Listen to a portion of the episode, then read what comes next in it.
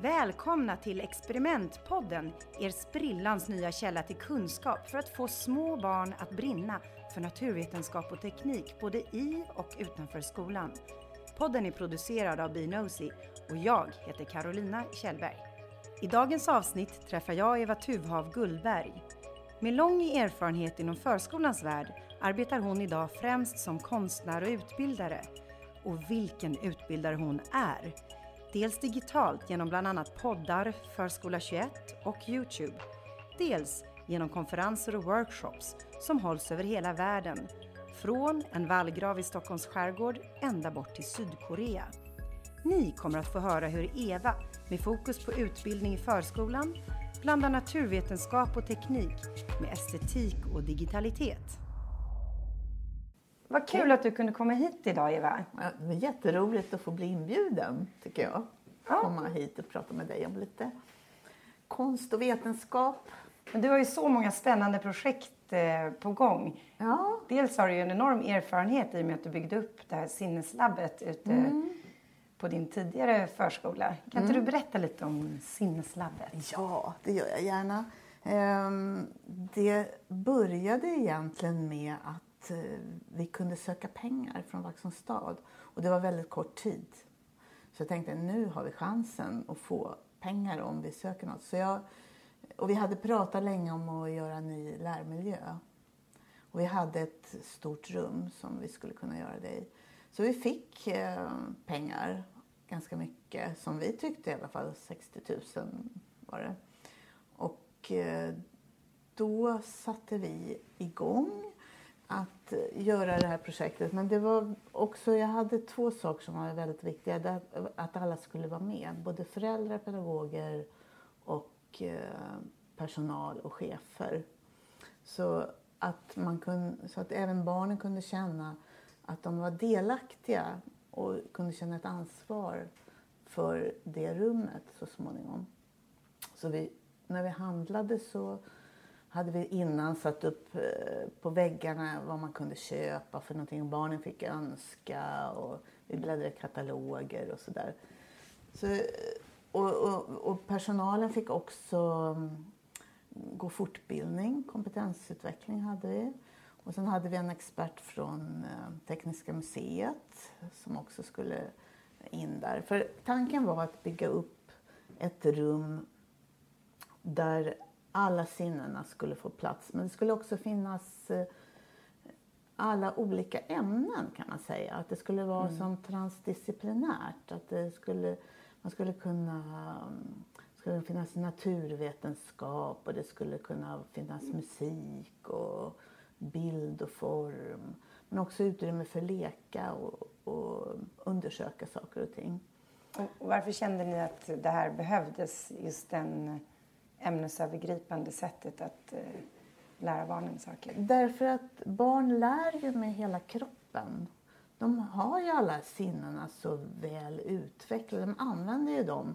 Det kan man ju se dagligdags hur de stoppar saker i munnen eller tar på saker. Och, och det är ju inte bara för att det är kul utan det är ju för att lära sig och, och erövra världen helt enkelt tror jag. Mm.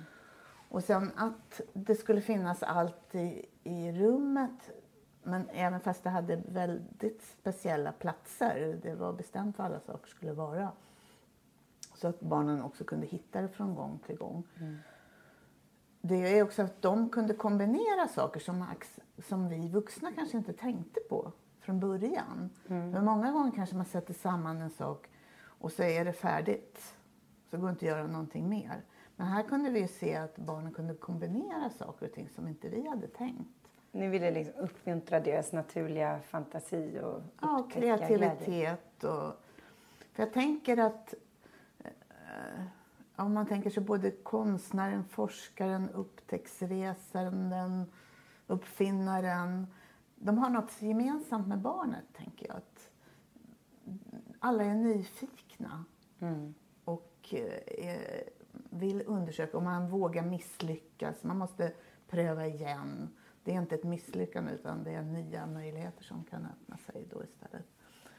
Så det här sinneslabbet blev ju också, genom att vi också var två konstnärer som eh, försökte eh, titta hur man skulle inreda rummet, ställa sakerna på rätt ställe och så, så det blev någon slags harmoni mm. och magi skulle jag vilja säga. Ja, jag har ju varit inne i det där rummet och det är fantastiskt med alla små saker som hängde i taket och ljuset som gav någon slags eh, harmoni tillsammans med fin lugn musik. Ja. Man vill ju bara gå ner och upptäcka själv när man ser alla de där olika ja. aktivitetshörnen. Ja, det blev ju väldigt lyckat faktiskt. Och folk kände precis som du säger att eh, ja, den där känslan av att vilja vara kvar i rummet. Mm. Och det var ju väldigt roligt att det blev så bra. Men en sak som jag tycker är intressant mm. med det ni gjorde där också är att ni hade ju också en viss eh, pedagogisk tanke bakom hur många barn som skulle vara i rummet och vilka som hade ansvar för att föra vidare information till sina mm. andra kompisar. Kan du inte berätta lite mer om det? Jo, det var ju också väldigt viktigt eh, förstod vi. Om, dels det här att de fick vara med i hela processen från början. Men också vilka regler som skulle gälla där i rummet. Att, eh, för att som pedagog få använda rummet var man tvungen att få en introduktion av mig på typ en halvtimme, en timme så man visste om hur man skulle använda alla saker där i, i rummet. Och sen pratade vi också med barnen om vilka regler. Var det okej okay att, att kasta saker eller var det eh, ja, eller låta det vara stökigt när man gick därifrån. Och, men det tyckte inte de heller. Så de lärde sig väldigt snabbt vad allting skulle vara någonstans.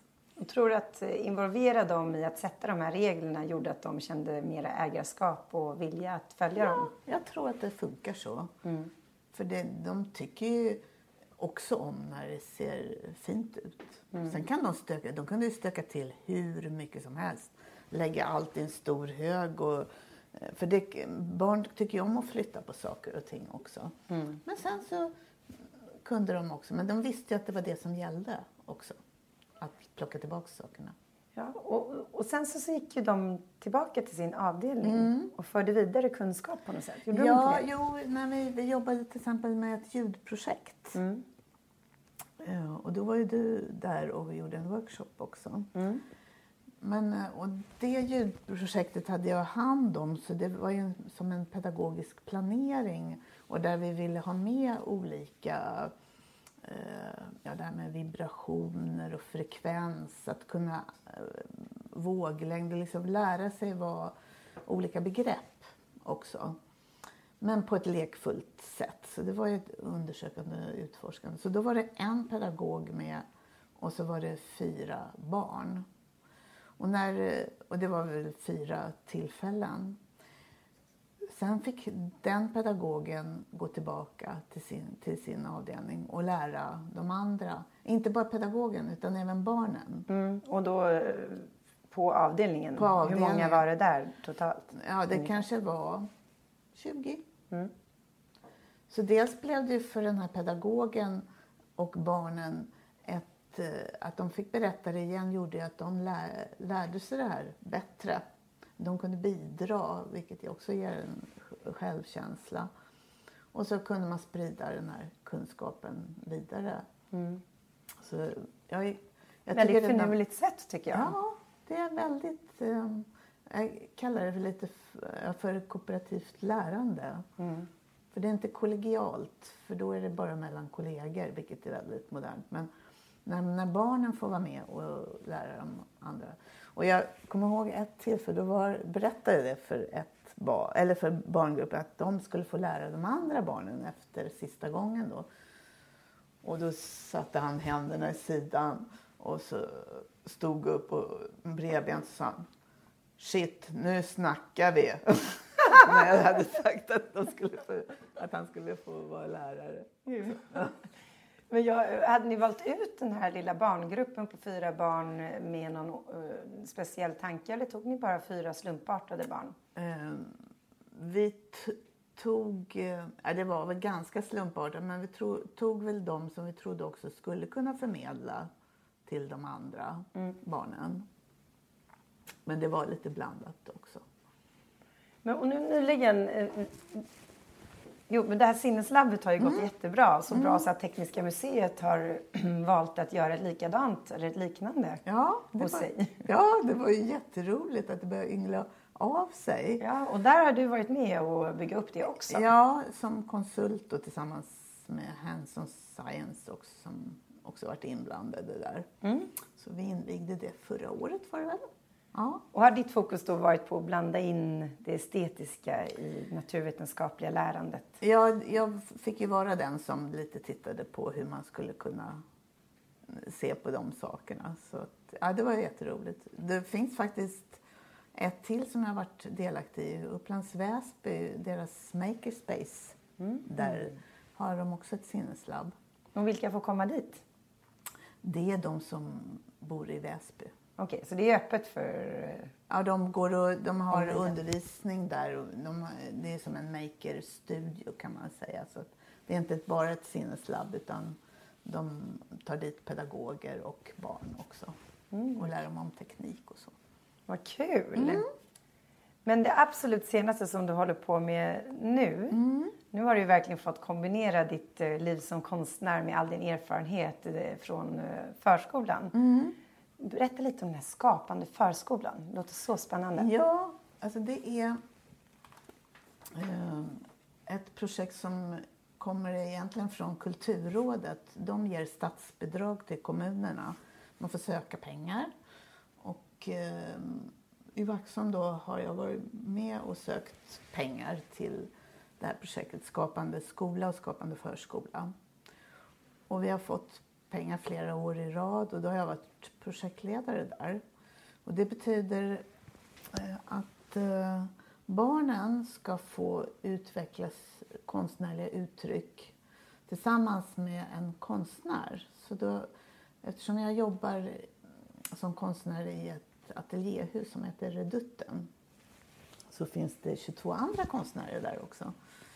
Så tio av dem har varit intresserade och varit involverade i det här projektet. Så, Oj, det är ganska många. Det är ganska många, det är det faktiskt. Och sen har vi, jag vet inte hur många barn vi hade i år. Det var kanske 150 barn som kom vid två tillfällen och mötte eh, en egen konstnär då. Mm -hmm. Så, av de här tio, en av de här tio. Och det som är så fascinerande då tycker jag är att här tänker inte du bara konst utan här blandar du också in modern teknologi. Ja, jag, alltså, jag gillar ju det här när man kan blanda lite ämnena. För jag tycker ju, jag, jag, kan tycka det blir, det, var väl, det är väl någon erfarenhet jag har från min egen skolgång tror jag, att det blev tråkigt när det blev för ensidigt en sak. Och sen det är roligt att se sammanhang också. Mm. Så det senaste projektet som jag hade med barnen då, förskola och även med, med lite äldre barn, det var linjen och seendet. Så det jobb, för jag tycker det är så viktigt att det här att kunna se, att verkligen träna sitt seende. Mm. Se saker som de är. Och det, alltså att man inte ser i schabloner och symboler bara. Och det kan ju gälla abstrakta problem också när man blir äldre. Men att börja träna att se saker och ting, hur, hur mellanrummen verkligen ser ut, hur en, ja, hur en ros är uppbyggd eller, och så vidare. Och det, här, det här är ganska komplext. Jag förklarade för min sjuåring igår hur han skulle han undrade helt enkelt varför huset där borta såg så litet ut när det egentligen var så stort. Ja, precis. Och då började jag direkt tänka på hur ögat är uppbyggt och se hur jag kunde förklara det på ett ja. enkelt sätt. Hur gör du? ja, nej men eh, det, det är ju, ja, de kan ju rita det naturligtvis och, och se hur det ser ut. Men det, det, ja, det är inte, jag kan ha ingen bra svar på det Nej, men det är sådana saker med seendet som du ehm, håller på att öva då med Ja, barnen? att uppmärksamma så att eh, vi jobbar med ståltråd, med garn, med naturobjekt, kanske lägger dem i linjer och färger. Och ute på gården så ritar vi med stora pinnar, streck och gjorde skuggor och på olika sätt Mm. träna seendet. Så det var vid första tillfället som vi gjorde de här sakerna. Så fick de eh, också, vi la ut, använde kuber, så här vanliga lådor som jag hade sparat och gjort vita. Som man la på papper och bygg, så fick de bygga med dem och sen så släckte jag i rummet och så fick de använda ficklampor. Och då blev det ju jättespännande skuggor och så fick de rita dem då. Mm. Och även med ståltråd fick de göra formationer och vi släckte och så fick de rita. Och förklarade ni, pratade ni lite då om hur ljuset eh, skapar skuggor och varför Ja. skuggorna blir mindre eller större? Ja, lite sånt. Och, och även det här med 2D och 3D. Mm. Att man kan gå från... Man kan också göra tvärtom, gå från 2D till 3D. Det prövade vi också. Mm. Att eh, det vi hade ritat gjorde vi skulpturer av. Vad kul! Ja, så det då var- får de ju verkligen hålla på med händerna och skapa Ja, och ser ordentligt med synen men så får de även förklarat naturvetenskap, ja. hur det fungerar med ljus. Ja. Och sen så, så var de ju ner i min ateljé naturligtvis och tyckte det var jättespännande för där hade jag, har jag lite olika såna här tramsrobotar och ritrobotar som jag har gjort själv. Och bland annat en med en, en sån här mj- mjölkskummare, du vet. Mm. Den, men den dansade iväg som sjutton över bordet. Det tyckte de var jätteroligt. Men eh, de blev så sugna så de frågade om inte vi kunde göra såna här ritrobotar nästa gång när vi skulle ses. Det var ju på vårterminen då, det här för andra var på höstterminen. Mm. Och det tänkte jag, det, det kan ju vara en bra fortsättning att göra ritrobotar då. Så då fick vi, då, då, den gången fick de då, då måste de ju kunna någonting om motorer och, för vi använde oss av motorer och ett batteri Mm. egentligen. Och, och hur man kan få det här att börja röra sig. Och här är ju verkligen teknik när du bygger ihop eh, sakerna. Motorer behöver magneter för att fungera. Mm. Ja, Batteri, där har du energi, Ja, elektricitet. precis. Det är många delar. Det är många delar i det. Ja, det är det verkligen. Så det här bara med plus och minuspoler, Mm. det visste de ju ingenting om. Så vi testade först och, och tända en, hur man kunde tända en lampa och hur man kunde få en summer att låta. Och, ja, de blir ju helt ex, exalterade när de, när de, ja men jag vill också, jag vill också. Så låter det. Och det är det som är så briljant med det här eh, hands-on utforskandet. Ja. Experiment i att de älskar det. Ja, det är så himla roligt alltså. Ja, men nu är det min tur och jag vill också. Ja, men, så jag fick ju börja med den introduktionen då, att de skulle förstå hur det hela funkar. Sen var det ju bra för vi var en grupp på ungefär, ungefär tio barn. Mm. Och sen var det jag och två pedagoger till så vi kunde dela upp oss ändå. Så de fick jobba två och två och bygga de här ritrobotarna. Men det, för att få in det här konstnärliga lite mer då Mm. Skulle de ju först eh, få den här lådan. Var, alla hade fått varsin låda, vanlig återbrukslåda. Eh, olika storlekar. Och eh, då skulle de dekorera den och få den personlig på något sätt. Att den blev någon eller något.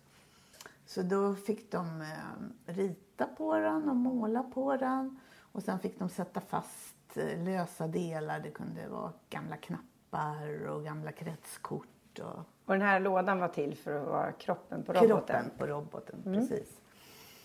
Och då satte vi bara fast med häftmassa de här lösa delarna för att det lätt skulle kunna ta bort det sen igen och återbruka igen. Mm. Och sen så eh, hade de ju lärt sig hur man skulle koppla ihop motorn med batteriet och hur det skulle sitta då.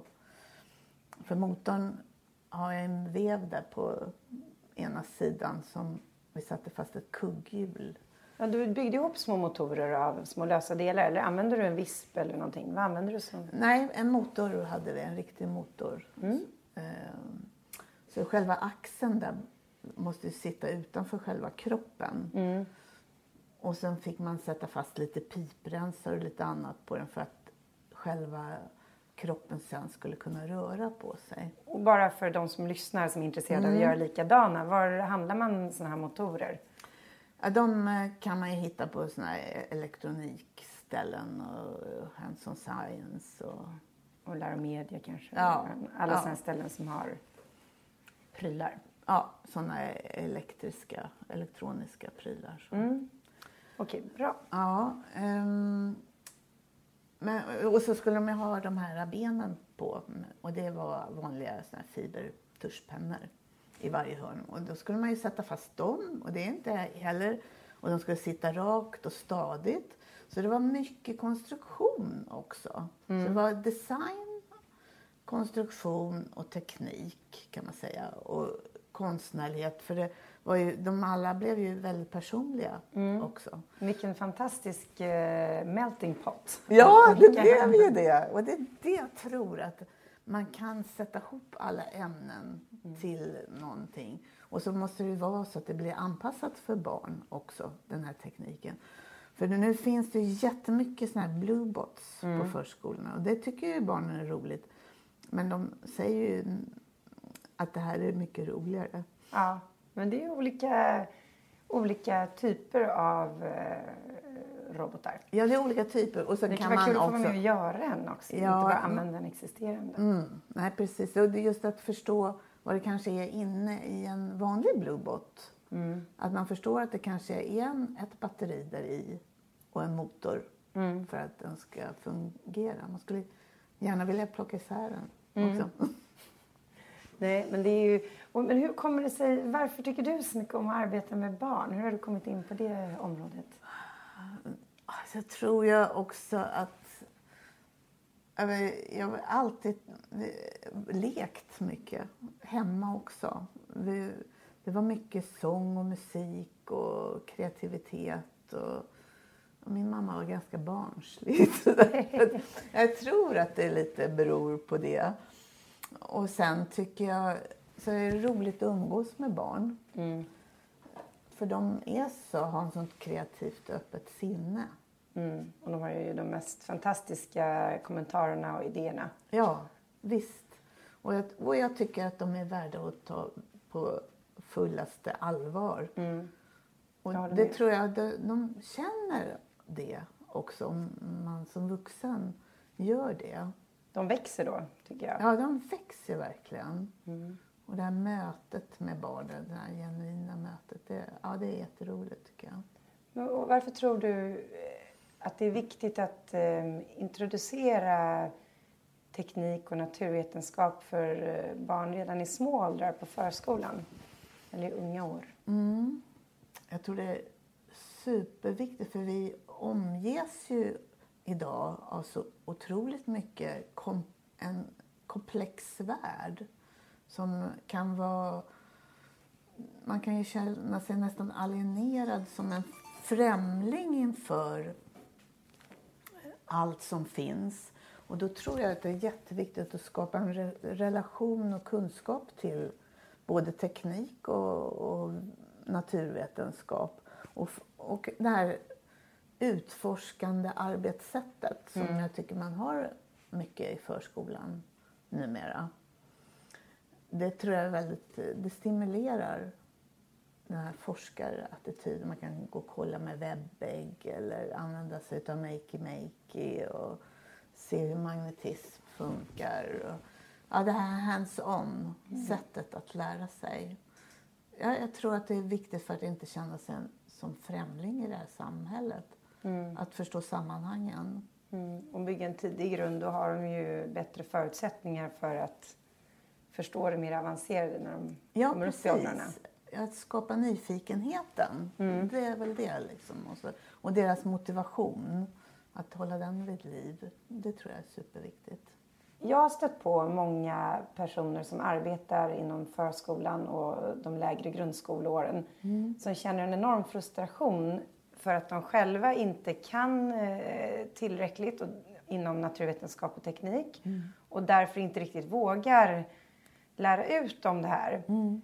Nu, du har ju på ett väldigt eh, elegant sätt kombinerat ihop de här ämnena med konsten. Mm. Hur gör du för att eh, inspirera kollegor och andra lärare eller personal inom förskolan med ditt kunnande? Mm. Har du några bra tips? Ja, alltså det, och det kanske går den här estetiska vägen. Att få testa precis som med barnen. Vi hade till exempel, vi, ja, vi skulle introducera Makey Makey. Det är alltså ett sätt att eh, lära sig programmera.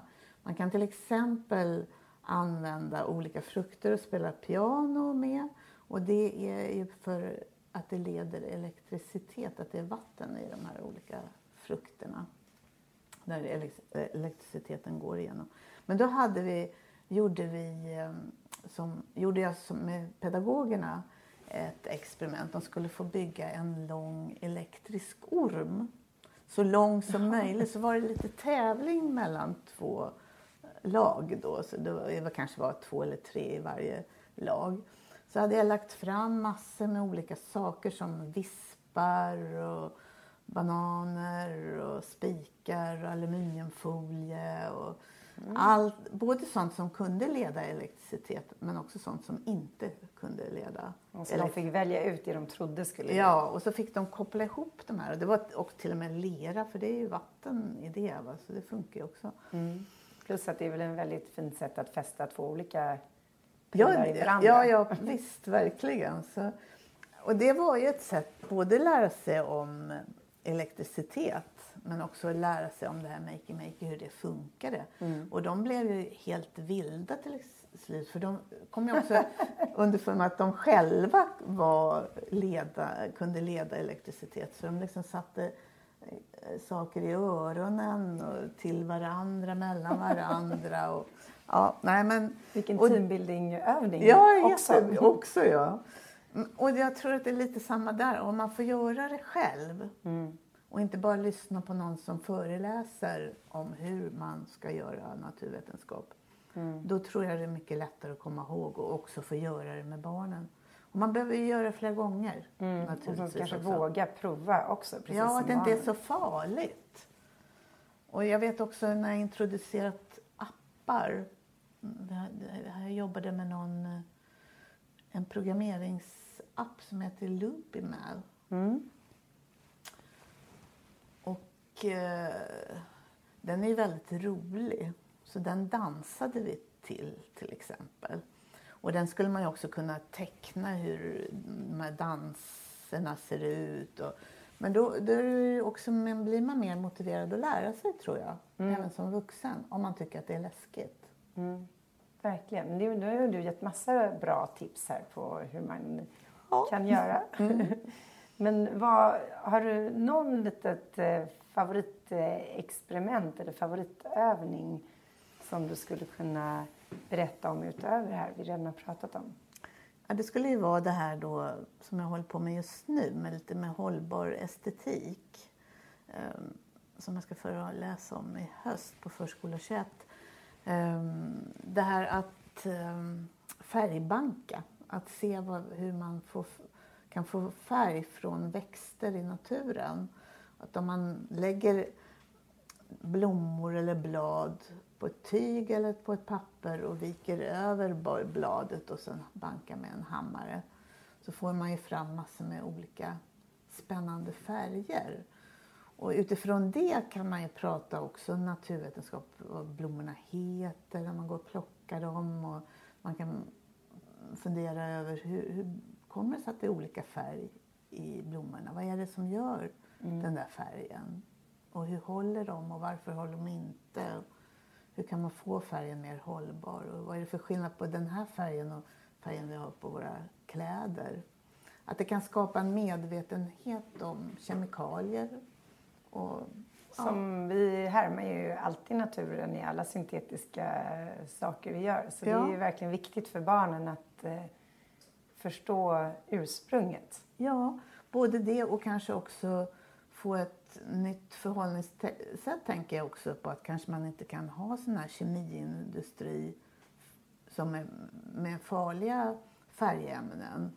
Utan man kanske måste övergå till ja, mer naturvänliga sätt mm. att färga kläder. kan man ju göra det själv då. Ja, det är en jätterolig övning. Ja. Jag undrar om det är något mer vi ska prata om. Jag tycker typ att du har pratat om väldigt mycket. Jo, nu kom jag på en sak. Ja. Var, har, var hittar du inspiration någonstans? Har du några bra kanaler eller det kan vara någon tidning eller app eller vad som mm. helst där du inspireras till ditt undervisande? Ja, hon Simone Giertz tycker jag är väldigt rolig. Hon har gjort massor med galna robotar. Mm -hmm. Och var finns hon? Hon finns på Youtube. Mm. Så Youtube är ju en källa naturligtvis. Men Simone Giertz hon, är, hon gör såna här galna robotar som till exempel att eh, ska mata henne med frukost och det spills och man kan få skratta mycket.